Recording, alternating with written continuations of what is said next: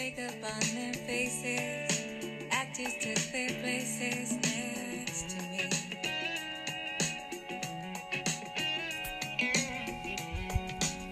Life walked these streets in a carnival sem sagt lagi Carnival eftir Mer Merchant er þetta lag sem að er að spilast núna og þetta lag sem hún Eileen Wuornos sem er eina fyrstu og þekktustu kvenkins ráðmörðingum í bandaríkanum bað fólki sitt um að spila í jarðaförinu sinni eftir hún hafi verið tekin að lífi. Hún var þess að tekin að lífi eftir að hafa fengið sex döðarefsingar í Florida, Florida State Prison og já, hún baði um að þetta lag myndi vera spilað í jarðaförinu sinni og það var það óskannar. Mér fannst bara mjög skemmtilegt að leifa ykkur að heyra það lag. En hérna ég heiti Snædís og ætla að útskýra hans fyrir ykkur og segja ykkur frá því hver hún Eileen Wuornos er uh, af hverju málið hann er svona frægt og hvað hún virkilega gerði til að öðlast sex döðarefsingar uh, í fangelsi og hafa verið drepin á endanum líka. En mér langar bara að byrja alveg á byrjuninni og segja ykkur frá því um, segja hérna frá badnæskun hennar Hún fættist í Rochester, Michigan, 29. februar 1956. Mamminar og pappi, þau voru aðeins 14 og 16 ára gömul þegar þau eignast, þegar þau eignast eldri bröðarinnar og já, giftast líka. Þau eru alveg svakalega ung þegar, já, þau eignast þannig stóra bröðarinnar og giftast eh, sem eru bæði bara rosalega brot á viðmjöfum samfélagsins. Það er bæði að giftast undir aldrei eignast börn aðeins 14 ára. Það má bæði flokkað undir félagslegt og ófélagslegt taumhald, sem sagt brot á lögum að giftast undir aldrei og það er alls ekki samþygt að samfélaginu að eignast barn ung. Um, svo fekk hérna, Eileen aldrei tækifæri til þess að þekka nýja hitta föðu sinn vegna þess að alla batneskunarnar var hann í fangilsi vegna ymsa brota á reglum og viðmiðum eins og það sem hann var mest tekin inn fyrir voru kynferðisbrot gegn börnum og árið 1969 framdann sjálfsvík í fangilsinu þegar Vörnars var rétt að vera fjögur ára gömul. Þannig hún fekk aldrei að hitta pappa sinn í kynastónum. Uh, svo eftir þetta hræðilega atvik fór móður hennar með Eileen og bróður hennar til af og ömmu þeirra en hún skildi þau ein eftir og kom aldrei aftur sem enginn hefur skilið af hverju það gerðist. Þannig að ammar og afi því að þau eru að ætlega þau og ala sískininu upp sem sín einn börn. En sem sagt, batneska vörnás verður verri og verri eftir hún sem, sem hún verður eldri. Um, og það er líklegast það helsta sem stuðlar að hegðunar í framtíðinni.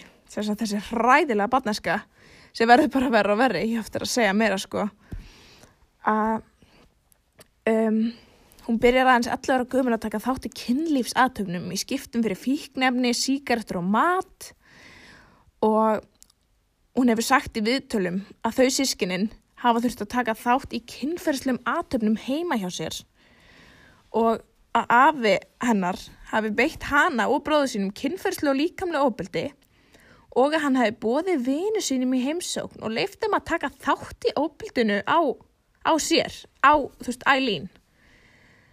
Ekki er eins og vita hvort að amman hafi haft nokkurt grunn af þessu óbyldi. Og svo það sem er hræðilegast að þessu öllu er að Eileen verður ólétt 14 ára gömul af vinum afinnar sem nöðga henni. Og auðvitað endar hann á því að gefa barnið til ætlingar og svo stuðlar þetta alltaf því að hún hættir í skóla 15 ára. En á sama tíma hún hættir í skóla þá hendir afi sískinana þeim út af heimilinu þannig þau eru bara heimilslaus en fara hvort sína leið. Þau hjálpast ekki einu svona að í lífinu þau bara ganga hvori sína áttina. Og þá hefst ferill Ælín sem vændiskona og það er þetta að tengja þetta við taumalskenningu Hirsís það er þess að hægt að fá útskýringu á ákvörunum og hegðum, hegðun ælín í gegnum æfinar þess að það speiklast af hryllilegu barneskunar og umhverfunu heima. Uh, en þessi tveir þættir eru samt engin afsökun fyrir ábrotahegðun. Uh, svo má svo sem segja að glæpaferillennar byrja stutt eftir þetta. Hún er handtekin 18 ára gömul í Colorado fyrir ekki aðeins kerundur áhrifum heldur hún líka hafa skotið úr byssu á ferð. Um, hún, var, hún er kærð en mætir ekki fyrir domstól og sem er rosalega skrítið en engin veit af hverju en svo eftir þetta þá fara sko ímis afbrot að bætast við sakaskránu hennar hún á í miklum erfileikum skapið í sér sem er líklegast batneskun hennar að kenna sem hefur stuðlað að þessari hegðun hjá henni. Og þessi hegðun á sér stað til dæmis á skemmtustöðum þegar hún er búin að drekka mikið sem leiður út í grófa líkamsárós og ofiðegandi hegðun. Og það má sjá þessa hegðun hjá Ælín er, eða þú veist, það má sjá hana í fyrsta sambandin hennar hún giftist bara í kringum átjónara mjög, mjög eldri manni og hún fer að áreita eigimanni sinn bara stutt eftir giftinguna þeirra. Og já, bara hans viku eftir giftinguna þá leggur hann fram nálgunabann gegn henni sem bara segir okkur aðeins hversu gróf hún var og síðan fara afbröðin henni að magnast með tímanum og verða alvarlegri og alvarlegri. En eins og þau erum að tekinni viðtölu svona í, á fjölmiðlum og alls konar svoleiðis þá var hann ekkert að fela afbröði sín. Og hún var ekkert eitthvað að segja nei, ég gerði þetta ekki. Hún bara sagði frá öllir hinskilni og það bara eins og verið stolt af hefðinni sinni. En já, það er hann að mál. En svo ára 1986 þá kynnist hún ástinni í lífin sínu hún er á geibar og kynnist konunni Tæru og hún, er sem sagt, hún heiti Tæra já, og þær verða ástfangnar og þær tvær eru sko aldeilis liðseild. Tæra hjálpar Wernos, hún er vittni í ýmsum ofbeldismálum sem kemur, kemur hún úr klandrinu. Og um, Ælín er að halda uppi húsinu þeirra með peningunum frá hérna vændinu um, en svo þessi glæpir sem hún Ælín fremur eru aldrei alvarlegir eins og morði eða tilnöndi mandráps eða eitthvað svoleiðis. Hún er bara, þú veist, í því að ræna búð yfir í að berja peningum fólki. En það endist ekkert svakalega lengi sko. Hún fremur sitt fyrsta morð árið 1989 og fórnalömpinu voru, þetta var ekki einn maður eitthvað sem hún draf sko, þetta voru, fórnalömpinu voru sjö í heldina og voru framinn á ársbili, að þú veist, voru framinn 12 mánuða tímbili. Hún draf sjö menn á einu ári. Um, það sem þessi fórnalömp áttu samílegt var að þetta voru allt meðaldra kallmenn sem voru langflesti kærðir, kærðir hérna kynferðisafbrótamenn og sumir ákeri battaneyðingar öll líkin voru með svipað áverka þau verið skotin mörgu sinum í eins og sumir í hausinn aðrir eitthvað annar staðar en allir hafa verið drefnir með skambissu eða eitthvað eins og leðis eftir að þriðja líkið fannst þriði maðurinn bárust vittni til lauruglu og Ælín var löðundi grunn á næturnar stundaði hún vændi þar sem hún grætti pening og draf þessa menn.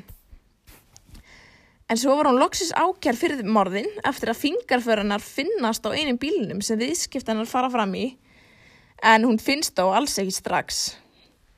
Uh, Löggan var alveg til 9. janúar 1991 að finna hana en þá finna þeir hana á móturhjólabarnum Last Resort í Flórida og hún er tekin og tekin í viðtal svona og hún viðurkynir öll morðinu endanum en heldur því samt alltaf fram að mest alltaf af þessu hafi verið sjálfsvörn sem að útskýra með félagsnámskenningunni sæksumasta um hún hafi verið í afnettun, ábyrðar og skaða og fórnalamps en síðan verður málið hennar gríðilega þekkt af samfélagsmiðlum og almenningur hefur mikið að segja um málið. En svo kemur niðurstaða eftir réttarheld og viðtölu og svona. Það verður málið úrskurðað þannig að hún fær sex stöðarefsingar eins og ég sagði í byrjun. Uh, en það var hvorki meira enn í minna hennar kærust og þakka því hún bara vittni í gegn henni og saði sannleikan um, og hún Ælín hún er í fangilsinu Florida State Prison til 9. oktober árið 2002 en þá er hún tekin að lífi með hérna bannvæðni sprautu innan fangilsins hún hefði sagt vikum saman fyrir þennan atbyrð þú veist, please kill me, I'm ready to go. I don't wanna be here, please, please, please kill me. Eitthvað svona I will do whatever you want, please eitthvað svona. Og ímislegt annað sem fólk tilur hafa tala bara laurugluna í það að drepa hana og fólk veldir mjög mikið fyrir sér hvort Ælin hafi verið fórnalampið að ráðmörðingi ég meina ég gera það sjálf sko. En mér finnst að hún hafi bara átt skilið að hafa rótnað í fangilsinu allt sitt líf eftir það sem hún gerði. Heldur hún að vera drepin strax. Uh, svo eru síðustu orðinu Ælín frekar óugnaleg og það allra sé það sem hún segir er hérna I'd just like to say I'm sailing with a rock and I'll be back like Independence Day with Jesus June 6 like the movie Big Mothership and all. I'll be back. Segir bara I'll be back. Hún er að vitna í Jésu Jésu sem hérna reis upp frá dauðum kom aftur á Independence Day og segir I'll be back. Hún er bara hún ætlast, til, þe- hún ætlast bara til þess að hún bara komi bara fersk og sæt og flott bara aftur tilbaka bara. Já flott að fara að drepa fleiri. Mér finnst þetta virkilega áhugaverð en svaka svona gefa manni gæsa og þessi senustu orð.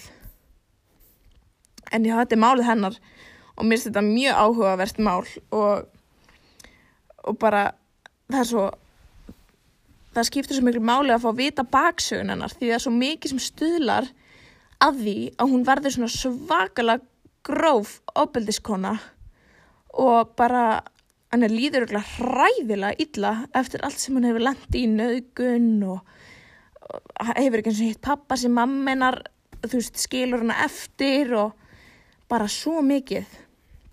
Bara alveg hræðilegt. En já það er hérna þetta er eiginlega allt bara sem er eftir að segja um hana í grófum dráttum.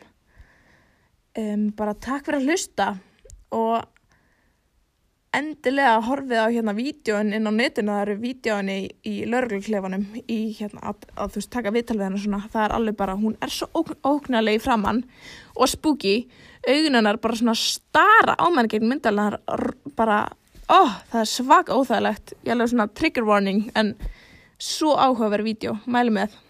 Takk fyrir að hlusta.